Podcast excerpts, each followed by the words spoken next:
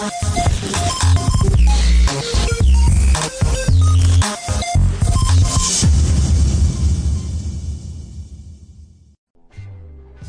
slušalci, dobrodošli u još jednu emisiju vašeg i našeg sportskog pozdrava.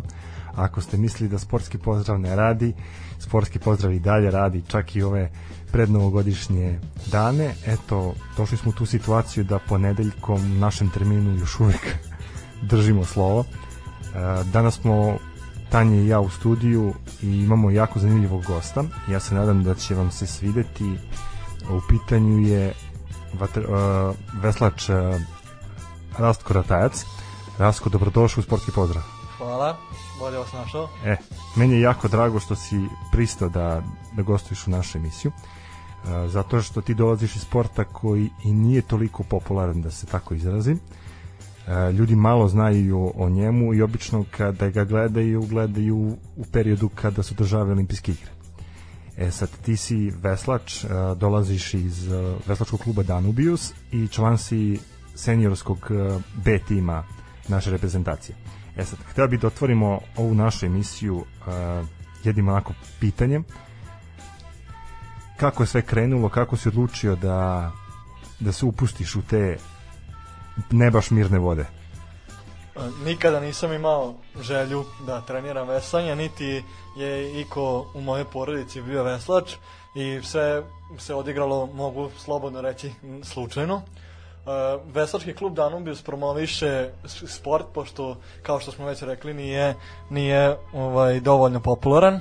On uh, treneri iz našeg kluba promovišu sport tako što u osnovne škole po celom Novom Sadu donose veslačke sprave ili trenažere koji se zovu ergometri i pokazuju to osnovcima kako osnove tehnike veslanja i kako veslanje na suvom izgleda I to je bio slučaj u mojoj osnovnoj školi Đura Daničić, kada sam bio šesti razred, treneri iz Veselog kluba Danubiju su došli i pokazali nam e, kako to sve izgleda i kako e, naši tadašnji najbolji veslači e, treniraju. I ja sam odlučio to da probam u školi i imali smo neku trku, da kažemo revijalnu trku na 100 metara svi dečaci u našoj osnovnoj školi i tu sam osvojio drugo mesto. Meni su tada treneri rekli da bih bio dobar veslač, međutim mene to nikako nije zanimalo jer sam trenirao futbal i 50% mog odeljenja muškog, muške populacije e, treniralo e, futbal. E, vidiš Tanja, u tome je čar, ono što ti ja pričam. Znači, ljudi se vezuju za futbal.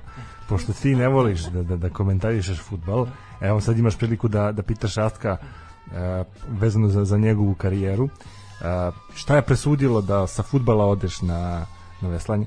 Naš futbalski klub je bio Kabel je u pitanju, bio je treći u gradskoj ligi kada sam ja trenirao, međutim došlo je do komplikacija i trener se promenio, većini članova futbalskog kluba Kabel novi trener se nije svideo i polako jedan po jedan član su odustajali od tog sporta, mi smo naravno ovaj moj drugi ja iz razreda koji smo trenirali zajedno smo se trudili da ostanemo što duže u tom sportu, međutim videli smo da to ne ide i zajedno smo odlučili da napustimo fudbal. Koju si poziciju igrao?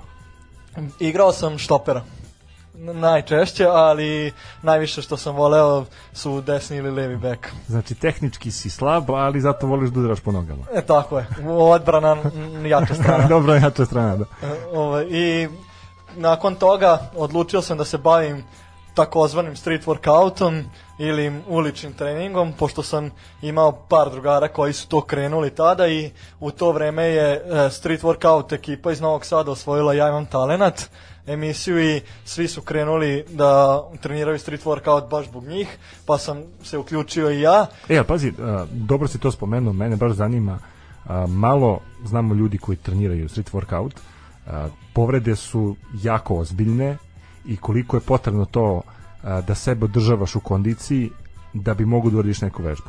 Pritom vidimo po raznim YouTube kanalima, po raznim Instagram profilima ljude koji prave vratolomije, koji skaču sa, sa desetog sprata i ostaju nepovređeni.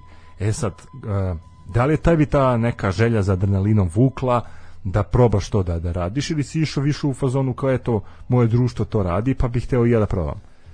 E, da kažemo da je e, veća želja bila za adrenalinom, od uvek, me, od uvek su me stvari koje su opasne po život, nekako da nazovemo tako, privlačile. Ekstremni sportovi su me od uvek privlačili, a, ali to što sam imao društvo koje je treniralo sa mnom je bio samo još jedan plus i jedna motiv, jedan način da mene sam sebe motivišem da treniram to u ekipi, da napredom u tome. Posle pola godine smo odlučili da nas to više ne interesuje, e, opet raspala se ekipa koja je stalno dolazila u jedan isti dogovoreni termin, jer e, krenuli su, mi smo malo i po, porasli, do 14-15 godina, krenulo to tinejdžersko doba, e, prestali, prestali su da ih zanimaju sportovi, počeli su, da kažemo, žurke izlasci i ja sam ostavio taj sport iza sebe neko vreme ništa nisam trenirao i u jednom trenutku se mama, moja mama setila da E, su veslači i e, treneri iz veslačkog kluba Danubius bili ovaj u našoj školi, školi i da bih ja mogao pokušati to pa ako mi se svidi da ostane. Obično roditelji zabranjaju deci da se bave sportom. Da. ili, ih, ili ih forsiraju previše da budu ono što oni su nekad želeli da budu ili im zabranjuju, ali eto, eto u tvom nekom primjeru mama je odigrala bitnu ulogu možda i najbitniju. Da, možda i najbitniju, definitivno. uh, ovaj, I da, onda je tata odlučio nakon mesec dana ka, od kada je to mama rekla da me odvede uh, u veslački klub Danubius, to je bio 1. februar 2015. godine. Svaka čast kad pamtiš datu. Na, pa, s obzirom da sam ovoliko godina u ovom sportu, ostalo mi je u uspomeni taj izgled prvi put kad sam ušao u prostorije tog kluba i e, način i atmosferu koju sam doživeo tada. E, to si dobro sad napomenuo. Kako ste primili ljudi prvog dana kada si ušao u prostorije e, veslačkog kluba? Na vratima me je dočekao trener baš koji je bio u mojoj osnovnoj školi i e, za ne poverovati posle godinu i po dana on je mene prepoznao i rekao mi je da, sam, da je dobro što sam došao jer im upravo fali veslača koji su uh, mla, veslača mlađih kategorija i pokazao mi je sve prostorije našeg kluba.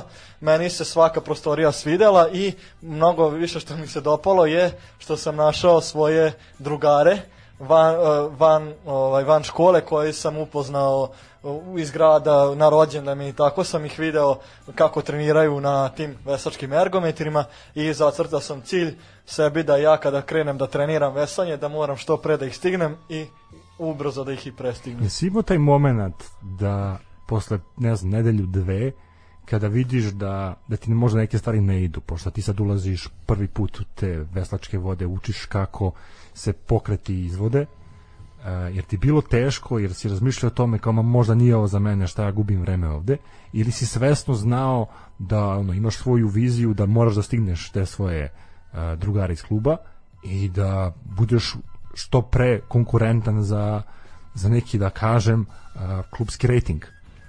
Od malih nogu sam takmičarskog duha i kad, kada sam trenirao bilo koji sport prethodnih godina, tokom celog svog života. Uh, uvek sam bio uh, na, na, uh, uvek sam strepio ka tome da os, da se takmičim, da budem u najboljoj grupi, u takmičarskoj grupi da osvajem medalje, da budem najbolji među najboljima, ako ne i najbolji, pa je tako i slučaj sa veslanjem. E, naravno, prve dve nedelje je bilo jako teško.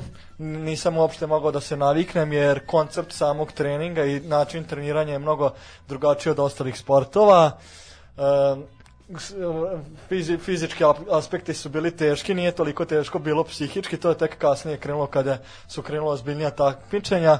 Međutim, ti ljudi koji su bili ispred mene su mi davali e, motivaciju da samo još više i više treniram i da e, ako oni urade 100% da ja dam 120% od sebe kako bih ja njih kako bi bih ja njih što prestigao. E, kad si ono ušao već u takmičarski ritam, prvo takmičenje pamtiš? E, pamtim, prvo takmičenje Sad kad mi kažeš datum...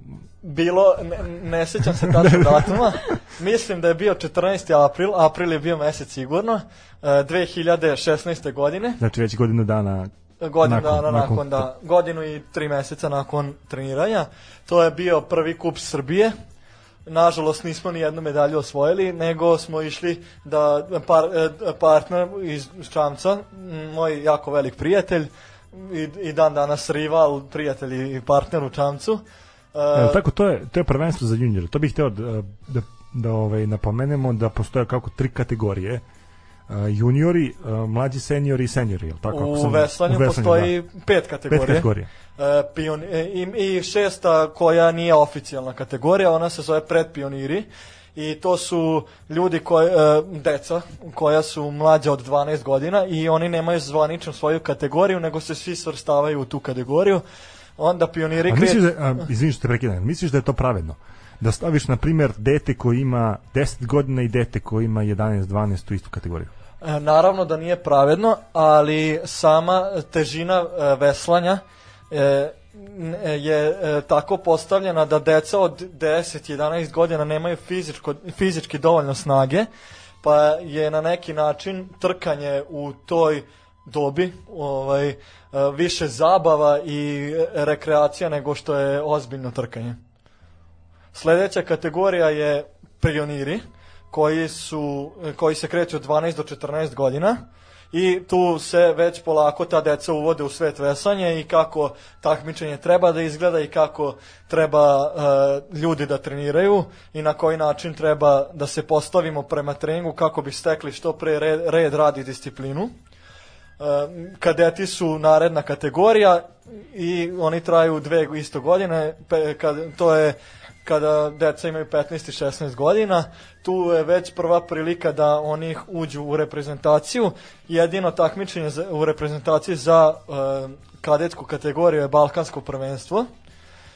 I, uh, Oni nemaju nacionalno prvenstvo ili imaju? Imaju, imaju za sve kategorije imamo nacionalno prvenstvo, ali to je to se predstavlja svoj klub.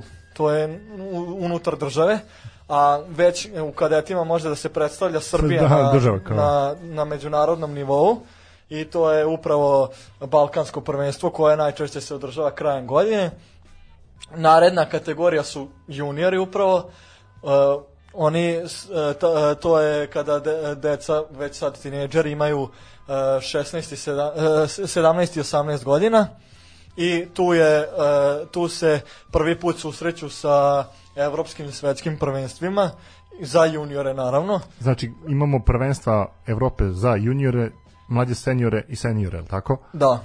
Znači nemamo za, za mlađe kategorije. Nemamo. Osim to, te, to, te Balkanijade. E, osim Balkanijade za kadete da, da. nemamo, ali mogu naravno talentovani i uspešni veslači mlađih kategorija da se takmiče za starije kategorije. Ako su dovoljno dobri, fizički spremni i... Naravno, I ako, na primjer, treneri klub procene da mogu da izdrže e, napad trke. Prvo treneri moraju da procene, pa onda uh, Savez, Veslački savez Srbije donosi odluku da li će se ti ljudi takmičiti ili e, neće. E, ti si prolazio taj period, znači uh, uh, juniora, pa sad mlađeg seniora. Uh, kako ti sve to izgleda iz današnje perspektive? Kada si evo polako ovaj ulaziš i u tu seniorsku kategoriju? U juniorima nisam smatrao da je toliko uh, bitan sport, više sam bio okrenut ka školi i ka obrazovanju i uh, mojim daljem usmerenju na, na studije i nisam nažalost davao dovoljno od sebe. To se sad vidi posle 2, 3, 4 godine. Se vidi da imam taj propust koji ne može da se nadoknadi nažalost, ali ovaj trenutno u mlađoj seniorskoj kategoriji dajem 100 105% od sebe i svaki trening sam zadovoljan. Kako sam uradio nikad nikad ne kažem sebi da sam mogao bolje. I nadam se da će nekako moći da se nadomesti ta uh, greška propust, da. u propustu. Ja, misliš da, da, da je greška do trenera koji te možda nije forsirao ili je samo tvoja lična greška? Kako smatraš da, taj propust? Ne bih okrivio nikoga drugog osim, osim mene, jer smatram da sam sebi nisam predstavio to dovoljno e, dobro i da nisam pridodavao dovoljno značaja tom sportu, jer upravo nisam video sebe u reprezentaciji Srbije kao što sad jesam, nisam video sebe kao dobrog i uspešnog veslača nije me to prosto ni zanimalo da veslam za Srbiju u, to, u tim godinama, već mi je bilo bitno da se bavim sportom, jer e, da, u današnje vreme e, ma, mali procenat ljudi se bavi ozbiljnom fizičkom aktivnošću i nekako mi je bilo drago što sam ja bio izdvojen iz te grupe ljudi po, po sport, e, to, zato što sam trenirao sport i samo mi je to bilo bitno da nikada ne prestanem da treniram veslanje jer uh, sam uvek imao plus u odnosu na društvo oko mene. Tanja, pitaj slobodno našeg gosta nešto. Da, ja znam da si ti spremila dosta pitanja za ovu emisiju. Pa... Pre nego što ti postavim pitanje, samo da istaknem da mi je jako drago to što si rekao da si takmičarskog duha i to što si sam video da svaki početak je naravno težak, ti si to video i bilo je naporno i ti se nisi jel predao, već si davao svoj maksimum, zbog toga si i tu gde jesi danas, tako da svakako to je veliki uspeh.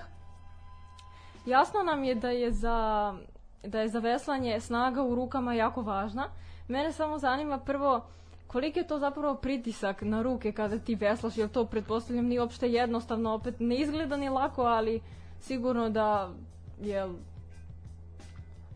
Tako je, sama tehnika i biomehanika i biofizika e, celokupnog jednog zavesla je, je na dobro istraženom nivou i e, moram reći da tokom jednog zaveslaja e, radi e, svi mišići e, tela se e, zajedno rade i prave takozvani kinetički lanac, ali najveći postotak svakako ode na noge, jer noge su, e, e, nog, mišići na nogama su oni koji pokreću čamac, e, leđa i ruke su tu da dodaju momentum i inercija da se nastavi preko nogu na leđa i da se završi sa rukama.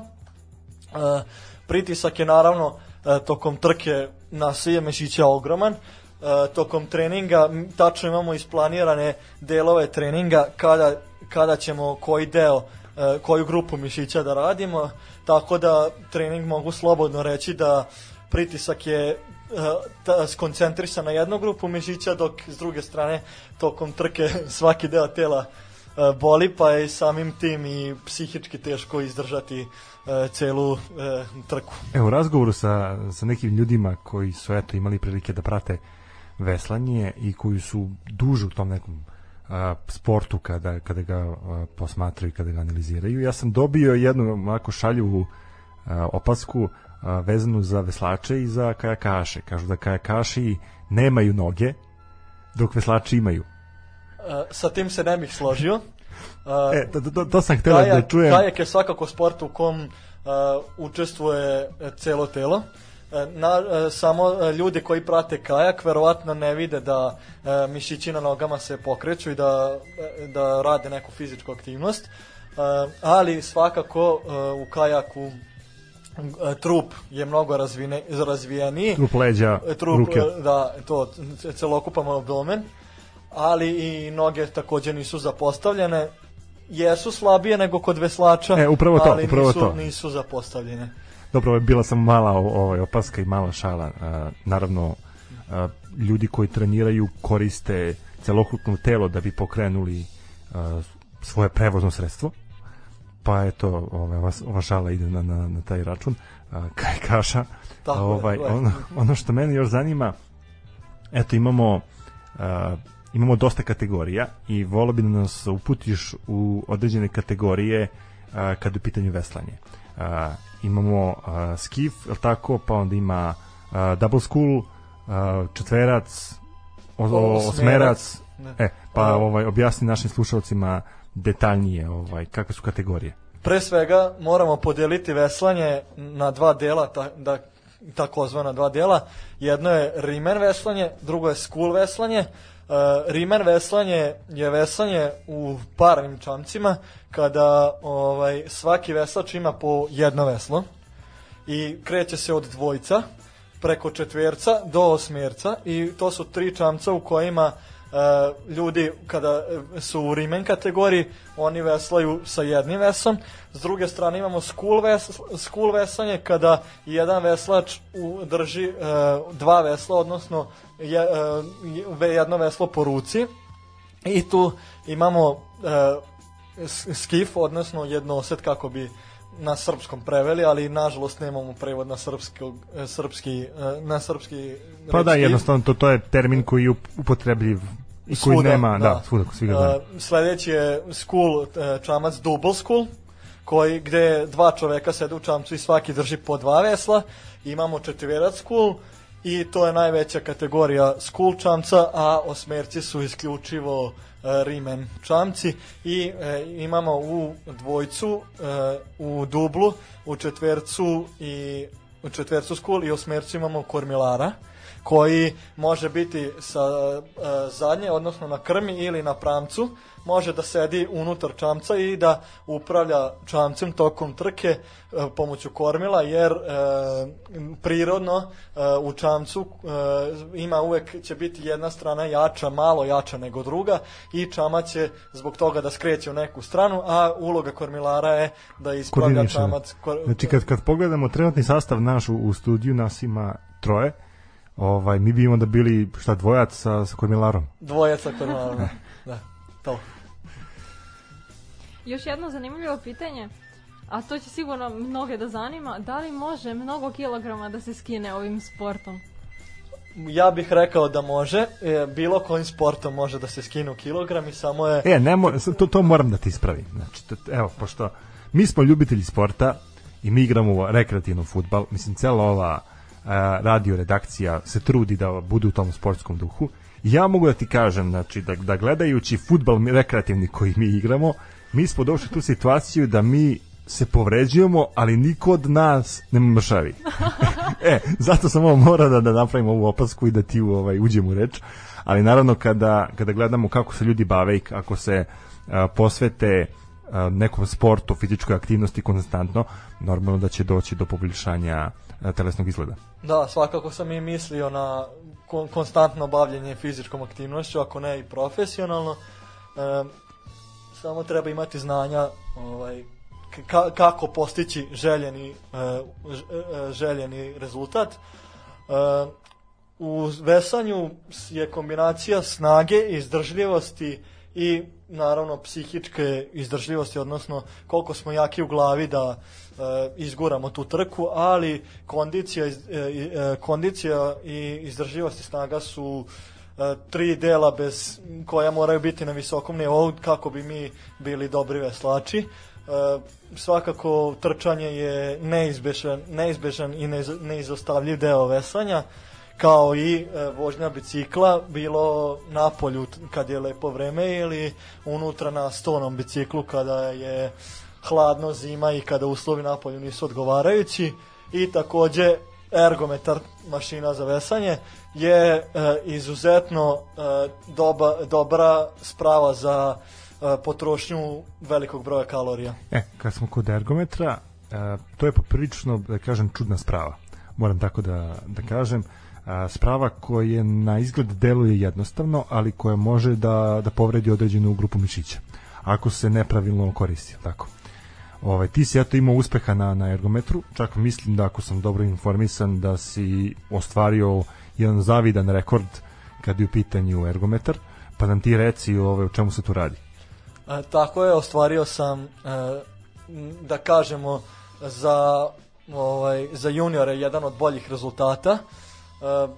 E, distancu od 2000 metara sam prešao za 6 minuta i 16 sekundi. Dva kilometra. O, 2 km 16 e, minuta i 16 sekundi u kategoriji juniora kada sam imao 18 godina, što je u to vreme bio jako dobar rezultat.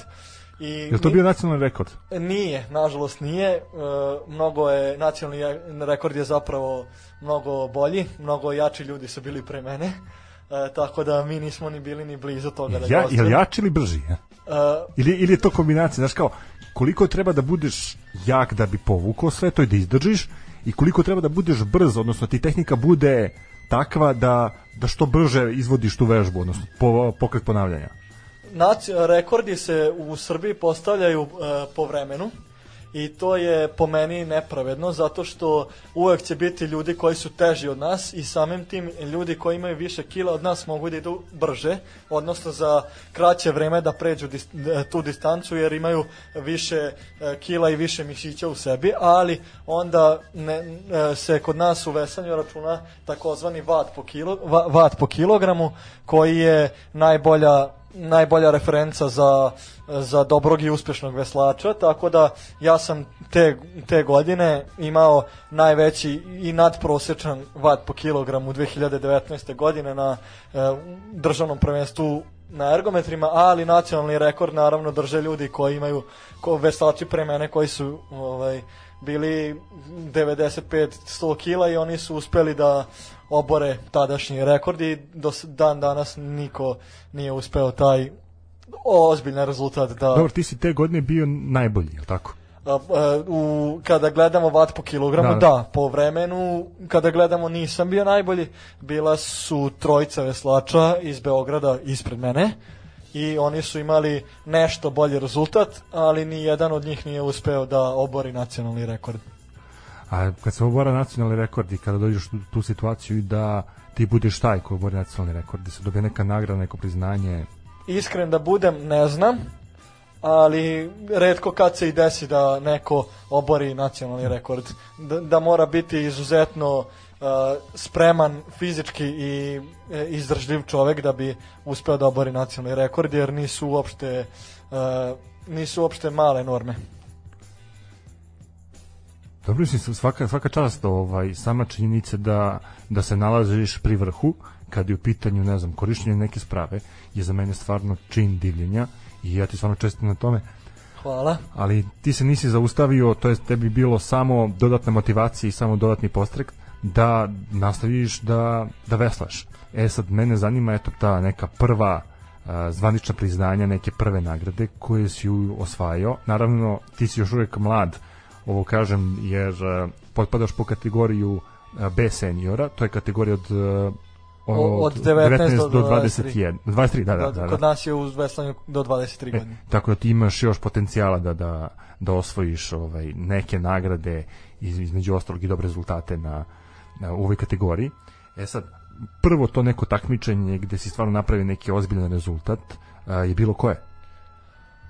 Slobodno mogu da kažem da je bila internacionalna regata u Zagrebu, međunarodno, uh, međunarodna regata gde dolaze uh, ljudi iz Italije, iz Austrije, i ozbiljni veslači, čak je bilo nekih iz Estonije, iz Nemačke. Ti si tu veslao za reprezentaciju ili za klub? Te godine, kada sam ostvario taj prvi svoj ovaj, rezultat koji je zavidan, sam veslao za klub, uh, sa pa, e, veseli smo Double School pa, e, kolega iz kluba i ja i u našoj e, kategoriji je bilo prijavljeno 46 posada za za ovaj za dva dana trke odnosno prvi dan su bile kvalifikacije drugi dan su bila finala u veslanju i mi smo uspeli u kvalifikacijama direktno da osvojimo prolaz u kako veslači to nazivaju finale A ili od prvog do šestog mesta. I došao je taj nedelja, taj čuveni dan e, finale. A ve, pripremamo se za start. E, naravno trema je bila tu pozitivna trema svakako. E, gledajući druge veslače bilo je neizvesno nije, nije mi bilo sve jedno. I uspeli smo da izborimo četvrto mesto nažalost nismo došli do medalje na to ko velikom takmičenju, ali uh, upravo novinarska ekipa kad je videla naš rezultat su odmah došli tako mlade sportiste da intervjuišu i osjećao sam se ponosno i bio sam prezadovoljan sa, sa ostvarenim rezultatom u Zagrebu. E, pa dobro, eto, ovo je stvarno jako lep gesti tih novinara koji su ispratili mlade talente. A ja bih sad predložio da možda odemo na jednu malu muzičku pauzu da se da se odmorimo pa da nastavimo da veslamo. E pa vraćamo se uživo u program i razgovor sa našim reprezentativcem Rastkom Natajcem. E, Rastko, počeli smo da pričamo o takmičarskim e, momentima kad je u pitanju tvoj sport veslanje. E sad, tvoj drug Dušan, ako sam dobro primetio, nam je a, objasnio da je ipak došlo do nekih uh, ispravki, pa nam reci u čemu se radi i koja medalja u pitanju.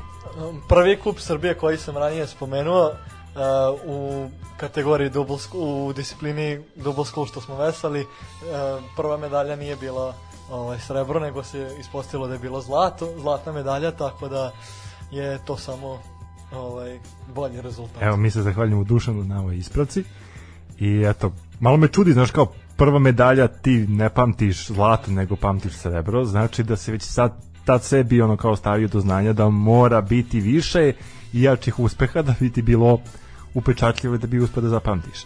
Tako je, tako je, sigurno da toga bilo da uh, pamtim datum, datum nisam mnogo pogrešio, ali uh, medalju je, je eto, došlo je do nekog propusta i... A čekaj, imaš medalju kući?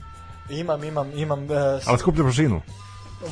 Kaže, skuplja prošinu, kao moja diploma. Nije, uh, sve medalje koje sam osvojio uh, sam okačio iznad radnog stola na nekom, uh, vise na nekoj da, da kažem napravljenoj, ručno napravljenoj polici gde mi stoje uh, zakačene sve medalje svakog sporta koji sam trenirao.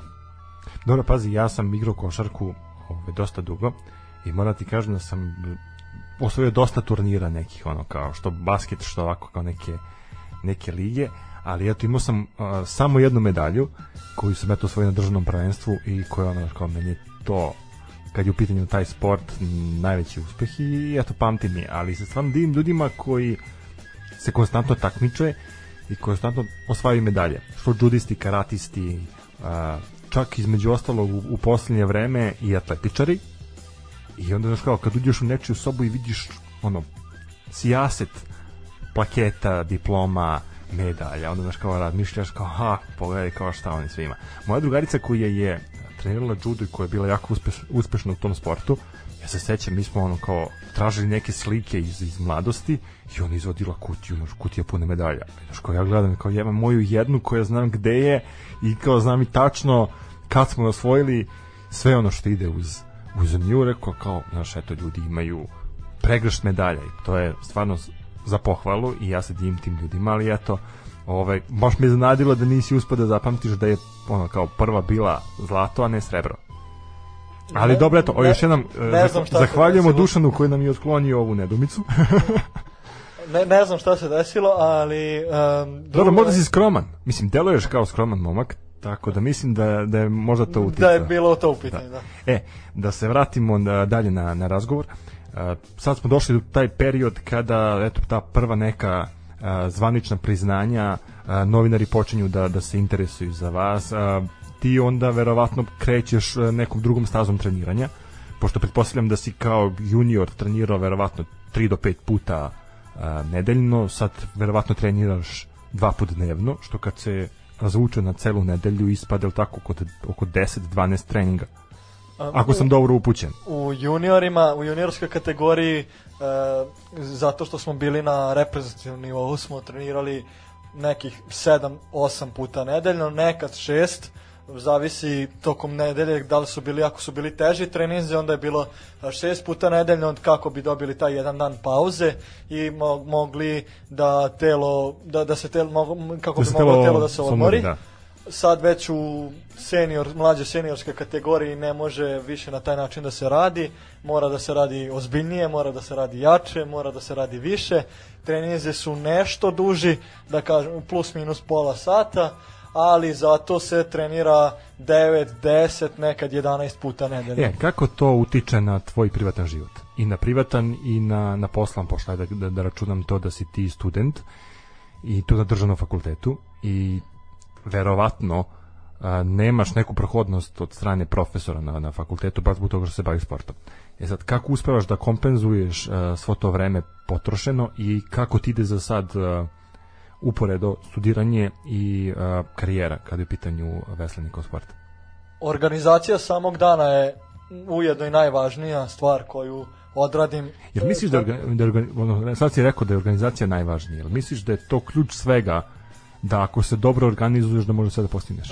Ne, mislim da je to ključ ne samo za sport i za studije koje ja organizujem sebi, nego i uspeh i za ceo život i nadalje tokom, tokom, ovaj, tokom ovaj, boravljanja u, u, sta, u Novom Sadu, dok god budem bio ovde.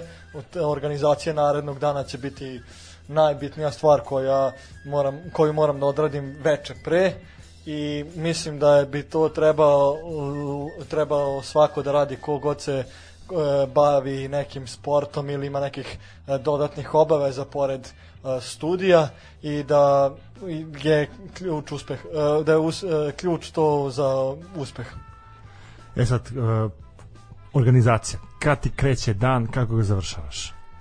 Svaki dan mi kreće otprilike u 6 i 15, 6 sati i 15 ujutru i 15 minuta ujutru. E, tad se budim. Se budiš pre svojih roditelja?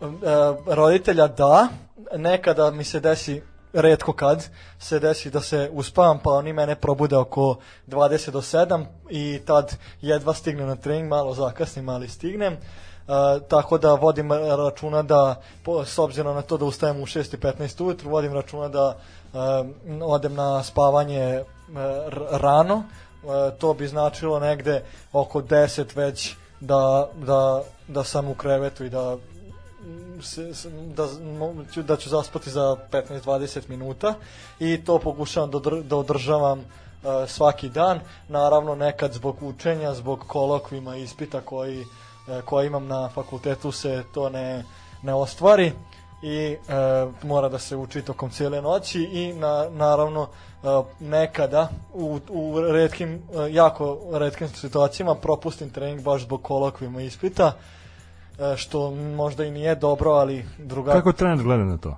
E, tre, trener m, je indiferentan, da kažemo, e, kaže dobro, jer zna koliko se ja trudim oko svojih studija, koliko e, se trudim da svoj prosek na studijama održavam što bolje mogućim i koliko se trudim na samom uh, treningu, koliko dajem uh, uh, posto od sebe, o, to se lako primeti i lako trener primeti koliko ja ulažem više truda u sam trening od svojih kolega i vršnjaka u klubu E, tako da e, možemo reći da je to e, op, nekada opravdano, samo e, trebalo bi što e, ređe to da radim i što više to da izbegavam S, i e, trener je sasvim, sasvim raz, razumno što se toga tiče. E, ovo sam te pitao zato što znamo da veslanje ne potpada pod kategoriju profitabilnih sportova.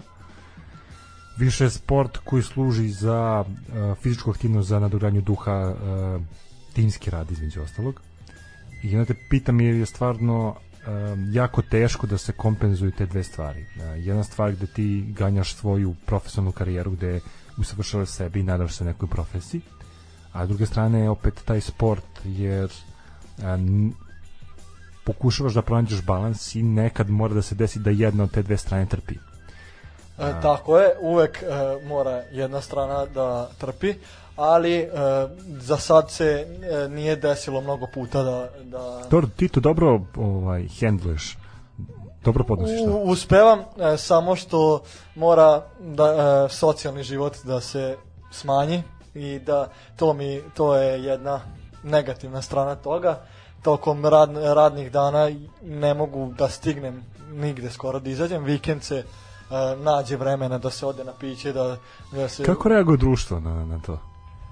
Um, ne, ne vidim e, reakcije mojeg društva ovaj, na to, ali za sad je e, sve kao i pre, pre, pre studija smo se e, isto ovako družili, možda malo više tokom raspusta, ali tada, mo, tad umesto studija smo imali neke druge obaveze i sama škola u kojoj smo mi išli, od, odnosno u srednjoj školi u kojoj smo mi išli su bile isto zahtevne, isto toliko zahtevne, tako da se mnogo stvari nije promenilo prelaskom e, iz e, srednje škole na fakultet. Trening kako počinješ? Zagrevanje, evo sad, ima, sad imamo tu nemogućnost, pošto se nalazimo u zimskom periodu, da nije baš pogodno treniranje na polju, na ovakvim minusima. Evo vidimo i kada šetamo da je poprilično hladno, a kako, kamo tek da, ove, da se vi spustite na reku i da i da krenete da veslate. Zanima me kako se pripremate tokom zimskog perioda, kako se pripremate kada je lepo vreme na polju i kada svoje treninge možete da obavite na, na reci. Zims, na vodi. Izvedi. Zimski deo, veći, veći deo zime provodimo unutra, na stonim biciklovima, na uteretani vežbamo sa tegovima i određene vežbe koje e, doprinose tehnici veslanja, e, izdržljivosti samog trupa ovaj, uh, i uh, radimo na uh, radimo na poboljšanju održa, održavanju tela tokom trke i takođe na, radimo na ergometar, možda i najveći deo zimskog perioda otpadne na ergometar, ali svakako trčanje na polju tokom zime po Fruška gori to, kad, napadne, kad napada sneg e, radi izdržljivosti organizma i navike samog tela na, na, na tako ozbiljne uslove da kažemo je uključena u ovaj sport i e, to e, trčanje na, na polju je e, deo e, gde e, se vidi stvarno ko je koliko izdržljiv i ko je koliko spreman da da e, s, s, sebe u taj sport i e, tu se vidi razlika između onog e, čoveka koji hoće profesionalno da se bavi, koji hoće da napreduje, koji hoće da ostvari ozbiljne rezultate, koji hoće da se takmiči na evropskom, svetskom ili olimpijskom nivou i e, ljudi koji hoće da se takmiče, ali da je neki nivo nacionalnog takmičenja ima uh, vrh. Ja misliš da je potreban talent da bi se bavio veslanjem ili je presudan rad? E, nažalost, veslanje je sport e, fizičke predispozicije i na to ljudi koji hoće da se bave ovim sportom ne mogu da toliko da utiču na to. E, veslanje svakako je e, ozbiljno, fi, ozbiljna fizička aktivnost i e, mora mnogo truda da se uloži u njega. Talenat ne treba da se ima, i, e, ne, ne treba nam neki poseban dar, da kažem. E, treba samo da se slušaju treneri i e, da se što više razmišlja o tome, jer nije E, vesanje nije sport gde ćemo doći na trening, odraditi zagrevanje, odraditi glavni deo treninga bez imalo razmišljanja i odraditi istezanje na kraju treninga, već tokom čitavog e, procesa i zagrevanja i samog treninga i istezanja mora da se razmišlja o tehnici vesanja koja je veoma kompleksna i zahtevna. Tanja, pitaj nešto našeg gosta. Samo da se nadovežem, to što si pitao za talent, da li je to bitno je li je u pitanju naporan rad i sve to, to da li je to ključ, generalno koliko sam ja, pošto na primjer, eto, bavim se odbojkom i imala sam prilike da slušam jel, mnoge i odbojkaše koji su postigli velike uspehe i oni su sami rekli da je u svakom sportu talenat tipa možda 10%, ono ostalo je sve naporan rad. Pa tako da... jeste, ja se slažem i mislim da u većini sportova, u, u suštini u većini tih nekih stvari kojima se čovjek bavi, uh, rad dolazi najviše do izražaja. Da, to je jedno, ta, i talent je zapravo samo mala prednost u početku i pojedinih ljudi, ovo ostalo naravno sve dolazi. Ali, imam, što... ali imamo i sportove gdje je stvarno talent dominantan. Jeste, ne, to, to se u potpunosti slažem, ali veslanje nije jedan od takvih sportova, nego kada dođe neko sa talentom, on je 2, 3, 5 koraka ispred drugih ljudi, međutim sve se to negde izjednači da. u sta, u starijoj dobi kada napunimo 20, 21, 22 godine, onda već taj talenat nije toliko bitan, nego je bitno ko se koliko trudi, i koliko, ko koliko pazi van treninga o svom životu, o ishrani, o odmoru, o načinu na koji... sportu. Da, da. Pre, pre, na načinu koji pristupa treningu i tako. E, ako uzmemo to da uh, ti možeš da se takmičiš individualno u veslanju, ali generalno je timski sport. Uh, koliko je uh, zavisnost od kolege bitna? Koliko vi morate da budete kompatibilni, koliko morate da sarađujete, ako je veći broj ljudi u, u čamcu, kako to funkcioniše, kako se to odražava i na, i na mentalni sklop i kako se odražava između ostalog na celo funkcionisanje kolektiva? kada se biraju posade ovaj, za neko takmičenje koje će uh, se sastojati iz većeg broja ljudi, uh, oni te posade se sklapaju, da kažemo, dva, tri meseca uh, pre, ovaj, pre samog takmičenja kako bi došlo do uh, sinkronizacije celog čamca da uh, se svi ljudi u čamcu međusobno prate i da ne dođe do odstupanja jednog čoveka od, od celog čamca jer to na, na tim stvarima čamac gubi brzinu i ne valja m, za celu posadu je to negativna strana a što se mentalne strane tiče naravno da je lakše kada je veći broj ljudi e, u čamcu, jer oni su tu, oni su tu da te bodre, da ti pomognu, da ti kažu šta da ispraviš tokom trke, šta, da ti kažu šta ne valja, da te motivišu da daš 120% od sebe, tu, tu, tu smo timskim duhom, tu smo došli da se takmičimo i mnogo je lakše kada ja sedim u čamcu i znam da čovek ispred ili iza mene ima istu toliku želju da se takmiči, ako ne i veću od mene i onda mi to daje dodatan vetar u leđa da ja odradim trku što bolje i što, i što više da razmišljam tokom trke na najpravilniji mogući način da je završen. Je li bilo momenta da se čamac prevrne, da zalutate negde tokom treninga, da među ostalo tokom trke, ako padne magla, ne znam, krene kiša ili tako neki vremenski vremenska nepogoda, neki vremenski uslov koji može da omete vas da da dođete do cilja. Je bilo u, to, u tom slučaju kada padne magla, na primer, e, trke se odlažu e, za sledeći dan ili ako znaju da će se magla podići za par sati, onda oni odlože 2-3 sata, 2-3 sata odlože e, trku. Što se tiče prevrtanja na trci, u grupnim čamcima a nije bilo, desilo mi se na trećem kupu Srbije 2019. godine. Tu uh, nisam dobro odradio tehnički nisam dobro odradio zavesloj i samo veslo desno je uh, potonulo uh, više nego što treba. Otišlo je duboko i ceo čamac je nagnuo na tu stranu. Nisam imao dovoljno vremena da odreagujem da izvadim veslo i prevrnuo se ceo čamac na tu stranu. A na Dunavu... E, uh, izvini, što se desi posle toga? Jer se vraćaš ponovo u čamac, krećeš, nastavljaš trku, Trka, e, trka se važi ako osoba koja se prevrnula e. ili osobe koje su se prevrnule vrate se same u čamac bez pomoći sudija u trenutku ako uh, u trenutku kada veslač odluči da, sud, da treba mu pomoć sudija kako bi se vratio u čamac, trka se tada prekida i e, njegovo vreme tu staje i ne računa se njegov plasman, nego mu stoji na kraju e, e, DNF mu stoji ili did not finish na engleskom.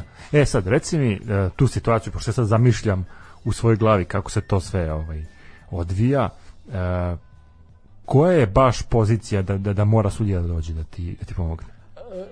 Trke su obično odvojene na, na 7 ili 10 minuta, je razmak između trka i u slučaju da veslač koji e, hoće sam da se vrati u čamac i da završi trku ne stigne za određeno vreme da e, se vrati u čamac, ne, nego je, se i dalje nalazi u vodi, a, a naredna trka dolazi, onda su sudije obavezne da, u, u sudije su u obavezi da pomognu tom veslaču da se vrati u čamac i e, da onda skrene van e, trkačke staze, kako ne bi ometao, kako ne bi pravio talase uh, narednim uh, trkačima što dolaze, tako da uh, oni uh, tada sudije sklone taj čamac sa van, van trkačkih staza i on uh, dođe do uh, mesta za pristajanje drugim putem.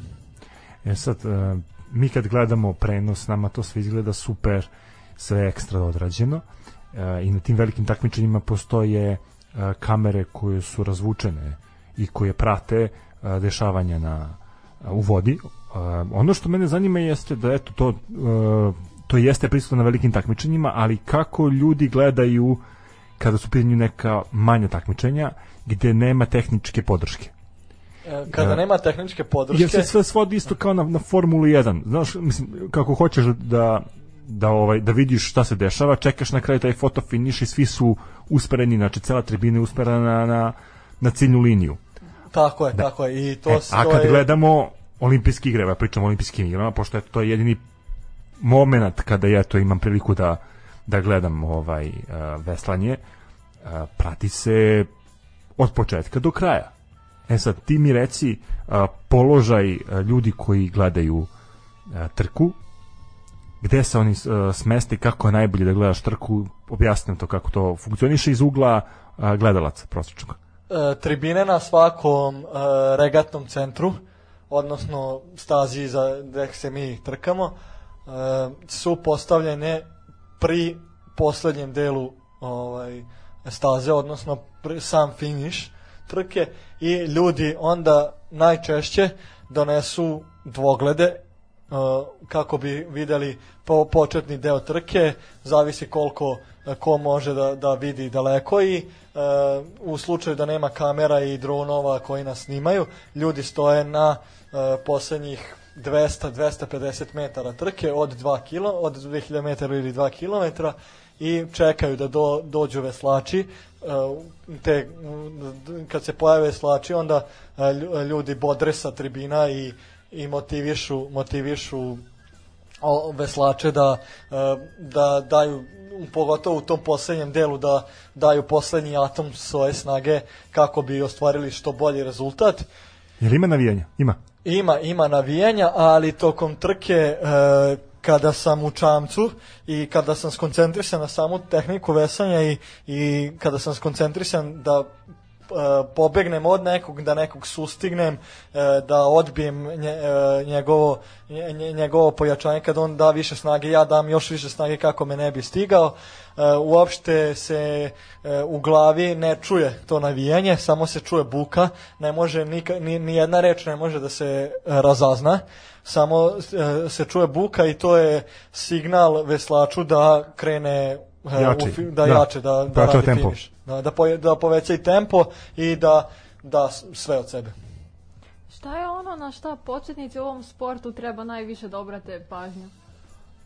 Svakako treba obratiti pažnju na tehniku, jer e, u slučaju da se nepravilan, da se izvodi nepravilan pokret veslanja, može doći do e, ozbiljnih povreda koje mogu uticati na, e, na nastavak života ti, na ceo život i, o, i mogu uticati na ceo proces treniranja.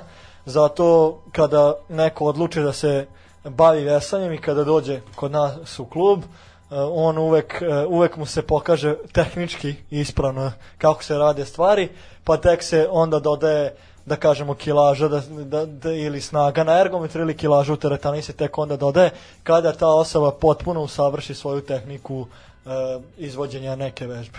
Postoji neki limit za rekreativno bavljenje veslanjem? Uh, rekreativno bavljenje veslanjem ne postoji. Imali smo uh, ljude koji su dolazili od po 45-50 godina da se rekreativno bave i za njih postoji takođe posebna grupa u našem klubu koji vodi jedan poseban licencirani trener uh, i ona najčešće uh, ta, tre, trener je de, jedna devojka da kažemo ovaj koja uh, je prošla kroz ceo proces treniranja, bila veslačica, bila uspešna veslačica, zna kako koju vežbu treba izvoditi, kako se, zna pravilnu tehniku veslanja i ona tokom proleća, leta i jeseni pokušava da održava e, rekreativno veslanje dva do tri puta nedeljno za bilo koga e, ko hoće da se bavi takvim načinom veslanja. Dobro, kad je u pitanju rekreativno veslanje, a kad je u pitanju profesionalno veslanje, uh, limit sa godinama i kada su najbolje godine za, za sportistu, odnosno kad može da očekuje pun neki svoj potencijal? Ranije godina, tokom početka 21. veka, ja bih rekao da je limit bio 35-36 godina, međutim sa usavršavanjem te tehnologije vesenja i izradom samog čamca, od kog je materijala izrađen sam čamac, e, poboljšanjem izgleda vesla, e, poboljšanjem e, samog pokreta veslanja, ta granica se negde pomirila na 39-40 godina, 40 možda jednu. Imamo neke svetske veslače koji e, i dalje veslaju sa 42 i 3 godine. Tako da tu oko 40 godina ti profesionalni veslači pro, prelaze u kategoriju veterana i nastavljaju da se bave rekreat, po, pro, poluprofesionalnim veslanjem. Ništa, mi bi se mogli na malu pauzu čisto da odahnemo, pa se vraćamo u studio. I evo ponovo se vraćamo u studio i razgovor sa našim gostom uh, Rastkom Ratajcom. Uh, Rastko, eto, mi smo iskomentarisali neke stvari koje se eto mogu desiti veslačima. Bože moj, evo, i svakom se to, to može desiti u životu, a eto i veslačima da se prevrnu, čak i onim profesionalnim. Ja bi ovaj segment uh, razgovora sada usmerio na tvoju karijeru, pa mi reci kako došlo do momenta ulaska u reprezentaciju, kako se u suštini biraju veslači za reprezentaciju i na koja takmičenja planiraš da, da usmeriš neko svoje neku svoju snagu, neku svoje uh, aktivnost? I reci mi uh, bio si na evropskom prvenstvu, bio si na Balkanijadi uh, kako si se tamo proveo i kakav je odnos sa drugim veslačima što u našem timu što ovaj, u drugim reprezentacijama? Nam, naša veslačka sezona počinje od februara i traje sve negde do sredine oktobra ili krajem oktobra, početkom novembra, tu se završava i tad počinje taj zimski period. E, izbor za reprezentaciju se vrši na osnovu testiranja tokom zimskog perioda e, i e, testiranje se vrši od strane Veslačkog saveza Srbije. Oni, e, Veslački savez Srbije za e, tu e, zimsku sezonu napravi e, plan i program treninga i kada su datume odmah, e, odmah postavi datume kada će biti određena testiranja i mi kada smo odlučili da se pripremamo za reprezentaciju, tačno smo znali kada, e, kog datuma koje nas testiranje čeka i svakako takmičenja, rezultati na takmičenjima nacionalnim unutar Srbije su od velikog značaja za izbar posada za reprezentaciju. E, ušao sam u reprezentaciju 2017. godine u kategoriji kadeta, na, e, išli smo na Balkansko prvenstvo, a to se desilo tako što smo zimu pre toga e, radili određene e, testove u Beogradu e, na Savskom jezeru i ti se testovi, e, odnosno na kažemo trkanje se sastojilo sastojalo od e,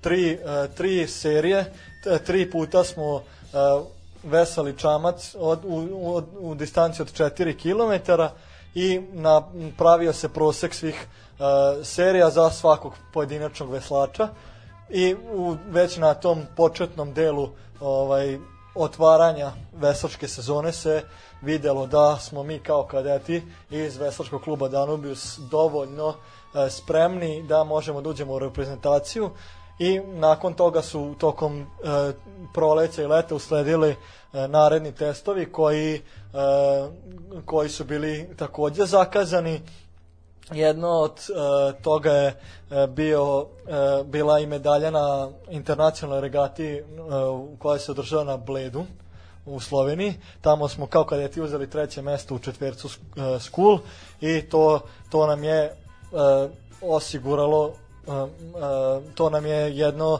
da, da, dalo preporuka za preporuka, preporuka za, da, za reprezentaciju, međutim u veslanju se održava i poslednja izborna kvalifikacijona regata za reprezentaciju koja se održava pred neko reprezentativno takmičenje mesec dana ranije ili možda mesec i po dva, dva meseca ranije, zavisi kako Veslački savez Srbije to zakaže. Uh, nama je bilo e, mesec i po dana pred Balkansko prvenstvo smo imali e, izbornu regatu u četvercima koje smo i mi osvojili. E, bili smo, osvojili smo prvo mesto i to je odmah automatski prolaz dalje za reprezentaciju.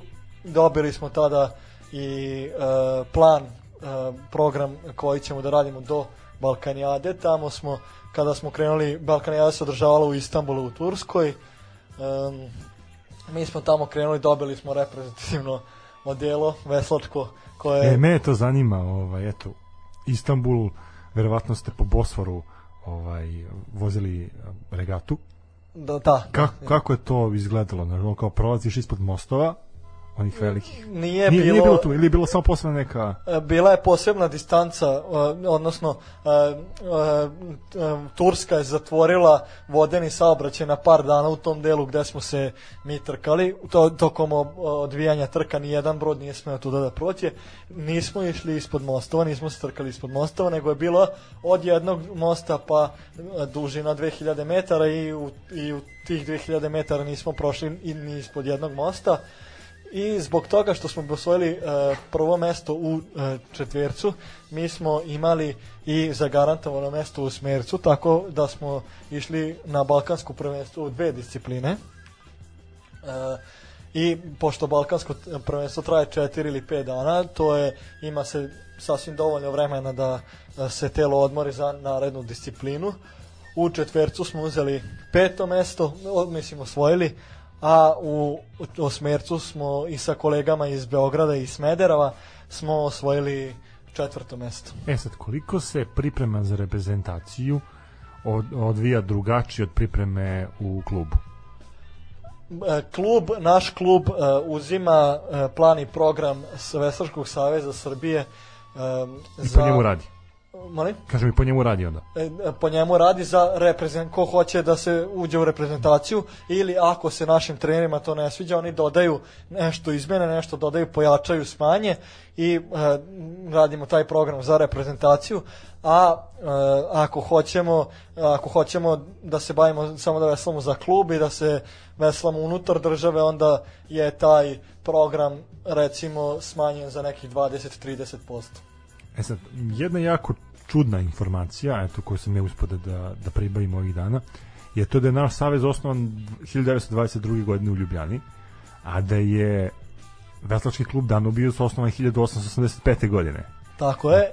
Jesam u pravu? Je, jesi. Znači, Veslački klub Danubius je stariji od Veslačkog saveza Srbije. Jeste, ali tada ne, ne znam šta se tačno tada dešavalo, samo znam da je veliki uticaj imao upravo Mihajlo Pupin, koji je e, doprineo e, da se os, o, osnuje Veslački savez Srbije, a u našem klubu je imalo ulogu i Laza, Laza Kostić, Kostić, da, sa, Laza Kostić za sa vatrogasnom službom, pa onda Da, se... da, vatrogasna služba i ujedno i Sokolsko društvo Novog Sada, koje su pripomogli da se osnuje naš e, klub 1000, davne 1885. godine. Mislim, stvarno, kad, kad pogledaš, e, to je ozbiljan kolektiv za respekt.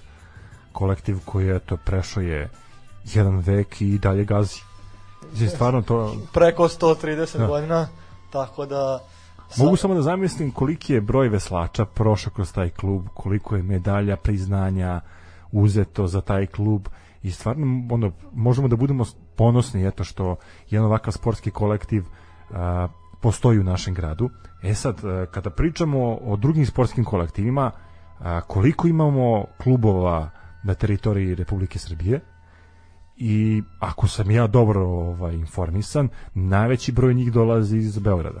Jeste, tako je. E, u Beogradu postoje četiri, e, trenutno sad, posto, mislim, e, po, pogrešio sam, postoje pet klubova, peti je osnovan 2020. godine. E, u Novom Sadu postoji jedan, u Zrenjaninu postoji jedan, u Čurugu postoji jedan, u Smederevu postoji jedan, u Pančevu postoji jedan, e, Palić. i Palić. I Palić je, mislim, taj poslednji. I vidio, vidio sam čak da, da u Pirotu postoji. E, postoji veslački klub Pirot, za to smo čuli, a sada e, nisam ih viđao na takmičenjima unutar Srbije. Možda imaju samo mlađe kategorije, pa kao pokušavaju da iz tih mlađih kategorija na kraju naprave osnovu za, za seniorsku kategoriju. Ne znam, iskreno da budem ne znam, ali sve kad se zbroji, mislim da je 14-15 klubova u celoj Srbiji veslačkih da Ja misliš da je to dovoljan broj ili da treba omasoviti broj klubova? A, opet gledamo, a, ti klubovi treba da se finansiraju. A, eto, naš va- a, veslački klub Danubius se finansira od članarina plus a, pomoć a, grada, tako? Da, od, e, budžet se pravi, e, spisak stvari koje nam trebaju za narednu godinu se pravi krajem go, ove go, na, kra- krajem prethodne godine i e, grad Novi Sad donira sredstva ovaj, za za čamce, za vesla, za prikolice, za sve stvari koje su potrebne veslačima i e, klub s druge strane prima pare od upravo veslača. Ko, mislim, koliko izlazi jedna članarina? Kako se to reguliše? Kod nas e, je e, članarina trenutno za takmičarski nivo kada se bavimo na takmičarskom nivo kada treniramo šest puta nedeljno nekada tokom letnjeg raspusta ili zimskog i po dva puta dnevno za neke određene kategorije onda je, ona iznosi 4000 dinara u slučaju da smo da, da dete kada dođe na vesanje prvih mesec dana bi trebalo da je besplatno a bilo je kada sam ja e, upisao mislim da i dalje e, jer e, to je čisto ne, neki vetar u leđa, neki podstrek da dete... Pa probni period. Probni period da ostane na vesanju i, i ako mu se svidi naravno i e, u, tada se kreće u školu vesanja, uči se osnovne tehnike vesanja i posle tog prvog meseca tada je članarina 3000 dinara dok e, se ne prebaci u takmičarsku grupu, a studenti imaju uz, uz, uz indeks naravno imaju popust od 50%. A seniori isto plaćaju? Uh, Oni koji takmičari? Uh, ja, pošto sam u reprezentaciji, ja ne plaćam članarinu. Um, Na što trošiš te pare? na hranu najčešće. Ne, šalim se, šalim se. Ali ne plaćam već duži vremenski period. Uh, sada za takmičare druge seniore koji koji su koji, koji moji vršnjaci sada za njih dakle, ne znam van, van Vesperskog kluba Danubius jer to je svakako uprava kluba donosi a ne, e, ne donosi Veslački savez Srbije. znači da ide na, na, na, na klub. Na klub ide tako da za van naše kluba ne znam ali u mom slučaju je ovako. E sad e, ko je najbolji klub kod nas? Partizan Zvezda? E, naj, e, najtrofejniji najuspešniji e, klub u Srbiji je upravo Partizan ali to je po mom mišljenju najviše zbog toga zbog broja dece i broja e, članova koji taj klub broji i na, na, e, jednostavno mi u Danubiju su ovde ne možemo da, da se poredimo jer to kada se sračuna ispadne da na jednog našeg veslača e, e, ide tri ili četiri e, veslača iz Partizana. proporcija grada je da. takva da je Beograd veći grad da, da, u odnosu da, na Novi Sad, Novi Sad onda, pa se i to verovatno odražava i na, na broj članova koji dolaze u, i, u i broj klub. medalja i osvojenih i trofeja uzetih i takmičenja bodova skupljenih. Ali svakako Partizan ima naš, u Partizanu treniraju naši olimpijci koji su se takmičili uh, u Tokiju ove godine. Martin Mačković i uh, Miloš Vasić oni su vesali dvojac u Tokiju i ostvarili peto mesto što je ozbiljan rezultat. E, da li misliš, eto, spomenuo si olimpijske igre, e, da li misliš da, da je njihov uspeh e, bio proizvod rada i da su osvojili to peto mesto sticam i rada i nekih srećnih okolnosti, misliš da je to njihova realna mogućnost ili su mogli možda nešto više ili su između ostalog možda čak i napravili taj uspeh neočekivano za, za neke njihove domete? Mislim da su svakako mogli više, jer kada su putovali do Tokija, e, zadesala ih je takva situacija da je Miloš Vasić e, se razboleo i morao je da e, bude e, unutar, da ve, unutra, u zatvoren da vesla na ergometru 12 ili 13 dana i to je jako dug vremenski period neproveden na vodi. E, koji je sigurno uticao na njihov rezultat, tako da po mom mišljenju bi mogli e, čak i da se to nije, da nije bilo takvih nepredviđenih okolnosti, bi mogli čak i da se bore za olimpijsku medalju. E, gde ti vidiš sebe ovaj, tu narodnom periodu? Sada si u, u seniorskoj B kategoriji, tu se reprezentativac i ono što sam ja uspio da primetim, za, zašto sam spomenuo priču vezano za beogradske klubove, je kad sam gledao spisak reprezentativaca, mahom dolaze iz uh, Zvezde Partizana, iz uh, Ade, je tako? Uh, Sade. Sade, da, da. da.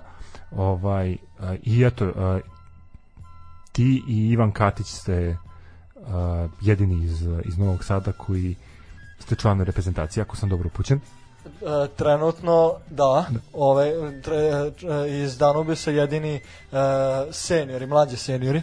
Imali smo ove godine i juniore koji su bili u, u reprezentaciji, njih troje ukupno, a, ali od mlađih seniora smo kolega Ivan Katić i ja u reprezentaciji. Jeste vi zajedno u, u Čamcu? E, nismo, jer e, u seniorima, kad se pređe u kategoriju seniora, E, po, e, podeli se kategorije veslača na lake veslače i na teške veslače, odnosno granica je 72.5, odnosno 72,5 kile. Po pojedincu ili po, po tamcu? Po jedincu. Po jedincu. I onda on pripada pod laku kategoriju, a ja pripadam po tešku kategoriju i mi od kad smo u seniorima ne veslamo više zajedno, nego samo veslamo na treningu jedan protiv drugog. Naravno da on koji je lakši od mene dobije prednost i uh, odre, tačno se računa određena prednost koliko on uzima na svakom treningu i kako bi bili jednaki, jednako postavljeni. Šta je ono što ti najviše pamtiš u ovoj dosadašnjoj reprezentativnoj karijeri? Mnogo, mnogo stvari pamtim, ne mogu da se odlučim koja je najbolja. Uh, najsrećniji kad sam bio, svakako bih izdvojio e, osvajanje e, internacionalne regate e, Croatia Open u Zagrebu 2019. godine sa partnerom u Dublu skulu Dušanom Stefanovićem. Tad smo uzeli, tad sam ja osvojio prvo mesto u Dublu skulu i u četvrcu skulu, a Dušan je pored toga uzeo i u skifu zlato, tako da smo odneli on je odneo kući tri zlatne medalje sa internacionalnog takmičenja, ja sam odneo dve i to je možda bila najlepša trka i najzanimljivija i tad sam se uh, osjećao m, naj uh, najopuštenije, nisam uopšte brinuo ni za kakve probleme tokom trke, nisam imao straha da ću nešto da pogrešim, nisam mislio da će se nešto da nam se desi, ali najteža, najuzbudljivija trka i ujedno ovaj, i ona koju sam dao najviše od sebe je bila polufinale e, na, evro, u, na evropskom prvenstvu u Esenu u Nemačkoj 2019. godine isto sa Dušanom Stefanovićem u Dublu skulu tad, tad, tad mislim da ni, ni, ni, nisam mogao uopšte da dam ni trunku više od, e, od toga što sam e, priložio tako da sam s tim, s tim sa tom trkom se najviše ponosim Malo pre si isto spomenuo te pro probleme sa povredama koje, na primjer, mogu da imaju, mislim, povredu su svakako sastavni deo sporta. Da li si ti, na primjer, imao neku povredu koja je bila malo ozbiljnija ili manje ozbiljna? Imao sam 2018. povredu uh, kolena, koju nisam se povredio na veslanju, nego sam igrao rekreativno futbal. Jer mi je, je futbal. ostalo mi je u u krvi mi je ostao to, futbol. To ja kažem, taj, taj rekreativni futbal na kraju se pretvori u samoubistvo, znaš, jednim delom. Slažem se, slažem se. Znaš kao, ja, ja gledam kao to, eto, znaš kao, mi igramo taj sport, mi smo čak imali prošle nedelje uh, moment da smo doveli uh, internacionalce, pa nam je jedan Rus, ono, uskočio ekipu, koji je tu uspod izraži pola sata i no se povredi. I sad kao čovjek, jer, znaš, ono, došao ovde da radi, na kraju povređen, vraća se on u, u Rusiju, znaš, ono, nije ti sve jedno, ali opet, rekreativni sport, nakon onog što ti treniraš, intenzivno može da bude poprilično opasan jer se aktiviraju druge grupacije mišića. Jeste, opasno je bilo, na, mada nisam razmišljao o tome, nisam uopšte razmišljao da mogu da se povredim, nego me je društvo pozvalo da idemo na futbal, a pošto mi je futbal od malih nogu privlačen sport, uh, ja sam rekao naravno ajde idemo, nisam razmišljao da mogu da se povredim i da uh, imam uh, ozbiljne probleme posle na vesanju. I otišli smo naravno na futbal posle nekih sat, sat i po vremena igre sam se ja povredio kolena sam povredio i to me je koštalo tri meseca ne treniranja i ne veslanja Kako su to doživjeli u klubu kad im ono javiš telefon na kao treneru nisam smeo ni da javim nego su treneru rekli, pošto je trener tada bio na godišnjem odmoru, uh, i nisam hteo uopšte da mu kvarim godišnji odmor, da mu, da mu ovaj, uništavam to neko, neki provodi ovaj, zabavu.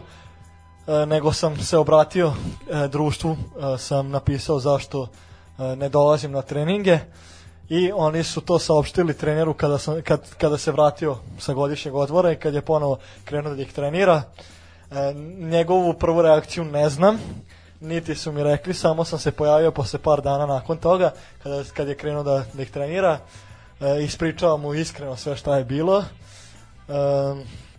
rekao sam da ću što pre da se vratim e, na veslanje, da uopšte neću da odustajem i da ću voditi računa da se to više nikad ne ponovi. Znači, nema više futbala. Ne igram ja sam ga, baš teo da te zovem, treba će nam sutra, ali dobro. ne igram ga više. E, rekreativni futbal, nažalost, sam prestao.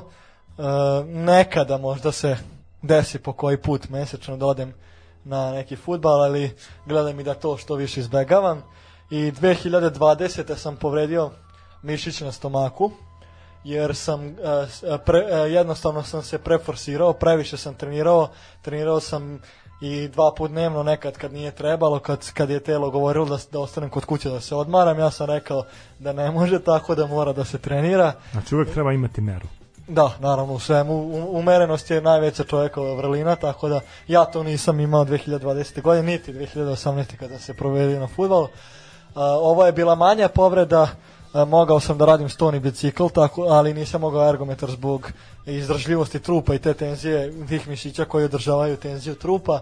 Te mišiće sam baš i povredio, pa nisam mogao da veslam na ergometru, ali sam sve treninge prebacio na e, stoni bicikl i tamo sam ih radio nekih mesec dana, pa sam se vratio na normalni režim treniranja. Naš uh, Veslački savez je eto imao tu čast i privilegiju da od uh, Međunarodnog veslačkog saveza dobije organizaciju uh, svetskog kupa, je tako? Da, u Beogradu. U Beogradu 2023. Da.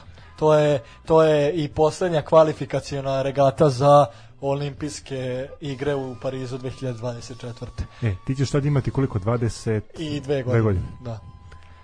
Jer i za olimpijske igre postoje te kategorije ovaj, ili samo seniorski se E, gleda. Znači, senior A. A, Seniori A su na olimpijadi i tu može naravno da se takmiči bilo ko ko misli da je dovoljno spreman jer tu nema ograničenja.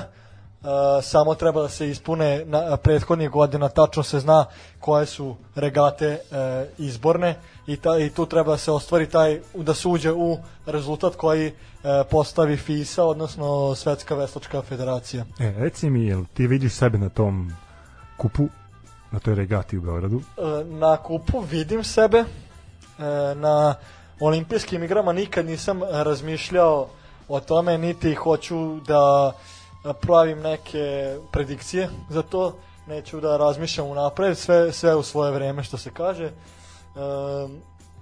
mislim da je možda ostvarljivo naravno treniram što više mogu dajem sve od sebe svaki trening ću da odradim maksimalno pa taj onda m, o, smis, smatram da trenutno odnos koji imam prema treningu će doprineti tome da ja ostvarim normu za olimpijske igre 2024. jer svakako san svakog sportiste koji se profesionalno bavi bilo kojim sportom je da završi na olimpijskim igrama pod Što, uslovom što bi da... rekli da ode na olimpijske igre turistički o trošku naše države. Pošto smo imali, imali smo, pazi, imali smo situaciju gde su ljudi pisali ono komentare posle olimpijskih igara u Londonu, u Pekingu, sad u Japanu, u Tokiju, ove, gde su, ne znam, a, neke uspehe, odnosno neuspehe naših a, reprezentativaca komentarisali da su oni otišli tamo turistički kao znaš, da vidiš Japan, da, da vidiš kakva je kultura, da, da proputuješ, ali sve to o trošku države. E sad, ja stvarno ovaj, znajući koliko ti treniraš i koliko sebe ulažeš u, u to što radiš u taj sport, ja ti želim stvarno da odeš o trošku poreskih građana ovaj, i stvarno bih volao da, da, da te, te vidi na, na nekom velikom takmičenju. Mislim da je jako, što ti kažeš, e, teško je da prognoziraš e, nešto što će se desiti u budućnosti, jer mnogo faktora tu zavisi. Zavisi između ostalih i od tebe, zavisi i od drugih, kako drugi treniraju, zavisi od e, povreda između ostalog, svašta može da se desi. Ovaj, ali stvarno znajući tebe koliko si posvećen, stvarno bih volao da da te eto jednog dana vidimo na na olimpijskim igrama. a ovaj, što da ne, pa može čak i do medalje. U potpunosti se slažem, hvala na lepim željama. Mada za Pazi, me... sa, sa medaljom onda ide i nagrade, a to je već ozbiljna, ozbiljna da. cifra. ovaj, za mene naravno na olimpijskim igrama ne postoji neuspeh jer pre svega ti ljudi koji su otišli tamo su se kvalifikovali za to neko odavde nije ni otišao i naravno kao i u svakom takmičenju neko uvek mora da bude da osvoji poslednje mesto da ne da bude pretposlednji da da se ne kvalifikuje za finale to to će uvek biti i to je uvek i bilo. Tako da smat, smatram da svi sportisti koji odu uh, tamo su s zaslugom otišli tamo da nisu na neku prevaru i na neku na, na, na otrošku države išli nego smatram da su oni Ne, otišli tamo bilo, da znaš kako, bila je šala. Naravno, Svak- naravno, Svakako, šala. uh, ol- olimpijski komitet stavlja norme za svaki sport Da. koje moraju da se ispoštuju. Sad, da li je to evropsko, da li je to svetsko prvenstvo, da li je to neka uh, druga kvalifikaciona uh, rešenja, ali uh, definitivno mora da se postigne neka norma i da se napravi neki uspeh koji će vas lansirati na, na tu smotru a, najboljih uh, svetskih sportista. A, I mislim da tu nema prevare, možda ima prevare, ali ako gledaš ono kao suđenje i, i korišćenje nekih ono dozvoljnih uh, i substanci, da. ali a, kad pogledaš tu situaciju da ti dolaziš a, na mesto gde se takmiče najbolji, svako svakog može da pobedi. tu, tu je svako najbolji, nema Da, tu... da, da, svako- svako može je- da pobedi. Da, a, ali um, te norme koje propisuje, naravno, Olimpijski komitet Srbije ili Veslački savez Srbije, uh, se, uh, ne znam kako se određuju, ali nekad umeju da promaše, da misle da je dovoljno dobra norma, ali ispostavi se da nije, nije odgovarajuća norma za, z- za očekivani rezultat tih sportista koji su ostvarili tu normu. E, iskomentarisao sam eto, uh, ispomenuo to uh, korišćenje dozvoljnih sredstava. Da li toga ima u veslanju? Ima, ima. E, e, ne dešava se često uopšte, ali e, nekada mi veslači koji pratimo, aktivno pratimo dešavanje u veslačkom svetu, čuje se ponekad da je Svjetska veslačka organizacija FISA zabranila takmičenje, suspendovala ovog veslača suspe, zbog toga. Na koliko se suspenduju? E, zavisi e, koje substance se nađe, zavisi ko, šta se prekrši, ali e, svakako vesla, sve, e, Svetska veslačka federacija FISA ima dogovor sa Clean Water e, i sa antidoping agencijom, Svetskom antidoping agencijom, da se veslači redovno testiraju. E, bio sam i ja predmet e, testiranja, da kažemo, meni su e, uzimali E, uzor. reci kako to izgleda? E, Znači, ti se testiraš pre trke, E, ne, ne, ne. Ili ne, posle trke? Po, za, testiramo se posle trke. E, nemamo vremena ni za, nemaš vremena ni za šta. znači bukvalno izlaziš iz vode, dolaziš na, na, na, na, ponton, zemlju, na, da, na, da. na, na splav, ustajem sa splava i prilazi mi ljudi, uh, prilazi mi čovjek, predstavi se ko je, izvadi uh, svoj karton gde mu piše ko je i za šta je došao i kaže mi molim, te, molim vas pođite sa nama i odvedu me u tu neku prostoriju gde uh, mi kažu da popunim formular E, i sad e, nisu tre, tada kada sam ja bio podvrgnut, podvrgnut e, antidoping testu nisu imali e, e, dovo, e, uređaje za vađenje krvi te koje su im bili potrebni nego su mi samo rekli da će mi uzeti uzorak urina i ja sam se s tim složio u slučaju da se ne složim i da kažem da neću to da dam onda mislim da je suspenzija 4 godine.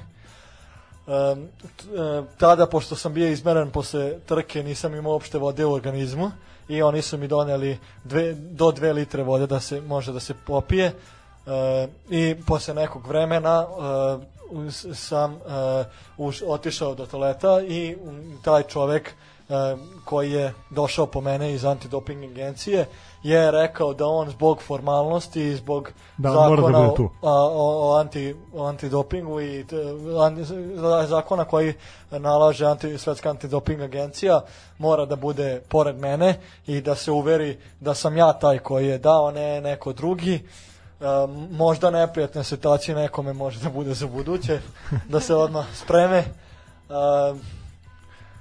To je moje prvo iskustvo. je bila frka? Ono kao, znaš, znaš da si čist, ali ono kao, znaš, prvi put se susrećeš sa tim, Bila je, e, nije bila frka jer znam da ništa nisam uzimao, međutim, e, bila je frka kako će to sve da izgleda i, i zbog nekih, e, možda je bilo malo, malo neke, neke panike zato što sam nedelju i po dana ili nedelju dana pred e, to takmiče gde su me testirali uzeo pio neke antibiotike koji bi možda uticali na e, na rezultate.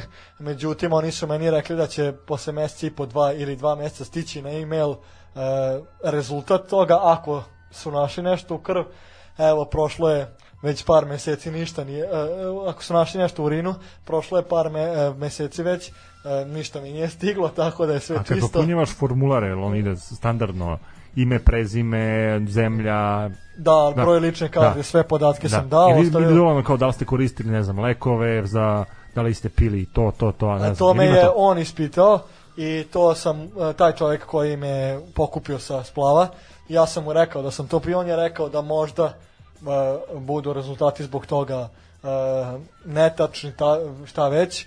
A, on, ja sam rekao, ja sam se složio sa tim i on je rekao da, da, da će mi javiti sve ovaj, ka, kako, kako bude.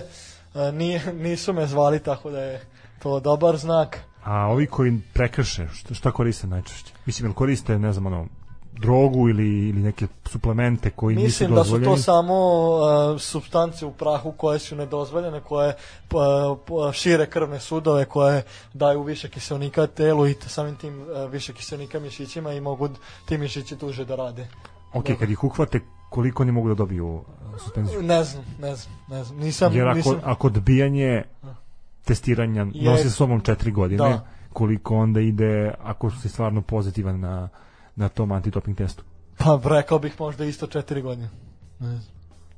Da je tu oko Jel, četiri. jel bio u našem timu nek, nekog? Nije, nije naše olimpice i našu olimpiku Jovanu Arsić koja je uh, vesela skif u Tokiju su testirali uh, mnogo puta, nisu im ništa našli. Uh, zato i taj čovjek koji je došao po mene na splav su, mi je rekao da, da su trebali oni da se testiraju naši olimpici, ali zbog jednostavno broja odrađenih tih antidoping testova tokom cijele godine bilo je e, bilo, bilo je vreme da se prebaci na neke druge uspešne profesionalne veslače i tako su došli do Koliko mene. smo mi imali predstavnika na olimpijskim igrama? Mi smo imali tri predstavnika na olimpijskim igrama, jednu, jednu devojku, Jovanu Arsić, koja je veslala skif i spom, ranije spomenutog e, ranije spomenuti dvojac Miloš e, Vasić i Martin Mačković. Jel misliš da smo mogli bolje, da imamo veći broj? E, n- ne znam. E, ne znam kako su ti ljudi trenirali tokom e, pripremne faze i u, i u koje fizičkoj spremnosti su bili. E, svakako ja želim da svake naredne olimpijade bude što više veslača tamo i da što više e, e, ljudi učestvuje na olimpijskim igrama iz bilo kog sporta da predstavlja Srbiju, jer nije uopšte mala stvar e, predstavljati Srbiju na olimpijskim igrama. To je po meni jako velik uspeh i svaka čast tim ljudima, zavidim im i očekujem možda jednog dana ja da A Jovana je osvojila Jovana je bila, uh, ja mislim da je, ako se ne varam, ali nek, verovatno će me ispraviti posle ako grešim, mislim da je osvojila uh, 15. mesto, to je uh, treće mesto u C finalu, pošto nama u veslanju finala se određuju s latiničnim slovima A, B, C, D i nadalje e, po šest mesta, znači finale A je od prvog do šestog, finale B je od sedmog do 12. finale C je od 13. do 18. i tako dalje. Ona, pošto je bila treća u C finalu, to je ukupni plasman 15. mesto. Mislim da je to realan uspeh nje na, na olimpijadi ili je možda mogu E, bolje? isto tako, e, kao što sam rekao i za ove veslače koji nisu otišli na olimpijske igre, ne znam koliko je ona truda uložila u to, svakako je svaka čast i za taj uspeh e, i to je zavidan rezultat. Nije malo biti 15. na olimpijskim igrama. E, želim da ako ode u Pariz da ostvari još bolje, e, tako da ako ona kaže da je dala sve od sebe, onda smatram da je to najbolji Ništa, e, vidjet, ćemo opet, uh, mnogo očekujemo od tog uh, svetskog kupa u Beogradu. Svi očekuju. Svi očekuju, pa da, da, da, zato što kao to je prvo veliki ispit za, za naš savez, jer naš savez je dobio organizaciju jednog globalnog takmičenja, jednog svetskog prvenstva, a druga stvar, eto, ti kažeš da je to i samo uvodna, odnosno poslednja etapa pred odlazak na olimpijske igre i verovatno će svi koji ne budu do tad ovaj, uspeli da ostvare normu za olimpijske igre tražiti svoju šansu upravo u Beogradu.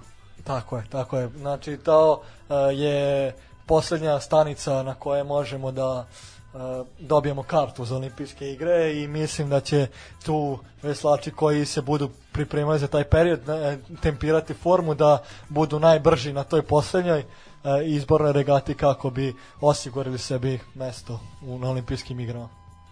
S obzirom da nam se približava nova godina, koji je tvoj cilj? Da li postoji nešto što si zacrtao sebi da želiš, na primjer, da ostvariš ili postigneš u toj 2022. godini? jedino što sam postavio sebi da ostvarim u 2022. godini jeste da bude uspešnija i bolja godina nego što je ova bila, a ove godine sam imao priliku da učestvujem i na svetskom prvenstvu u Češkoj u disciplini double school i uh, imao sam priliku da budem jedini predstavnik Srbije na evropskom prvenstvu u Poljskoj u septembru ove godine, uh, gde sam naravno veslao skif i uh, ta, to mi je, ova godina mi je najuspešnija godina od kad se bavim veslanjem. Koji si bio mesto na evropskom? Na evropskom uh, prvenstvu sam osvojio 18. mesto u skifu. A na svetskom u Češkoj? A na svetskom u Češkoj sam veslao double school sa uh, partnerom iz Smedera, sa kolegom iz Smederava. Uh, međutim, došlo je do toga da se kolega razboleo i da nismo mogli prošli, da nastavimo, odvesali smo kvalifikacije i nismo mogli da nastavimo, da nastavimo dalje takmičenje. Dobro, i da li imaš neki savet za buduće veslače i veslačice? Imam naravno, to je da budu uporni, da slušaju trenere pre svega i e, pozivam sve mlade ljude koji su zainteresovani da iskuse nešto novo, da, o, o, da se oprobaju ovako lepom, ovako divnom e, sportu koji je na otvorenom, da, da testiraju svoju fizičku snagu, da testiraju svoju psihičku izdrživost, pozivam svu decu i, i, roditelje, uh, roditelji ovo ako slušaju, da, da upišu svoju decu na vesanje, jer je stvarno jedan predivan i uh, neverovatno lep sport. E pa mi im stvarno želimo eto iste želje koje ti ova, imaš, tebi želimo da eto ti ova naredna 2022. godina bude uspešnija na raznim domenima i na raznim poljima. A, od tebe eto, očekujemo očekujemo mnogo moram da priznam jer ipak mlaci u ovom sportu imaš još, imaš još da da pokažeš i eto ja se nadam da da se vidimo uskoro u nekoj bliskoj budućnosti sa nekim uh, novim uspesima i sa nekim novim podvezima. To mogu da vam garantujem da će biti. E pa to bi bilo to za, za večerašnje izdanje sportskog pozdrava. Eto, mi smo ovim intervjuom sa Rastkom kompletirali kalendarski 2021. godinu. Vi nas, eto, možete slušati u odloženom slušanju za one koji nisu uspeli da slušaju ovo uživo a, izdanje i ovaj naš razgovor. A, vidimo se u 2022. godini. Mi ćemo se truditi da budemo bolji definitivno od onoga što smo bili u ovoj 2021. godini i do tada ovaj, želimo da, da lepo provedete praznične e, dane, da budete zdravi, da budete srećni i mi se vidimo u narednoj 2022. godini. E, još jednom hvala za ukazano poverenje i to bi bilo to od sportskog pozdrava za ovo večer. Prijetno i sve najbolje.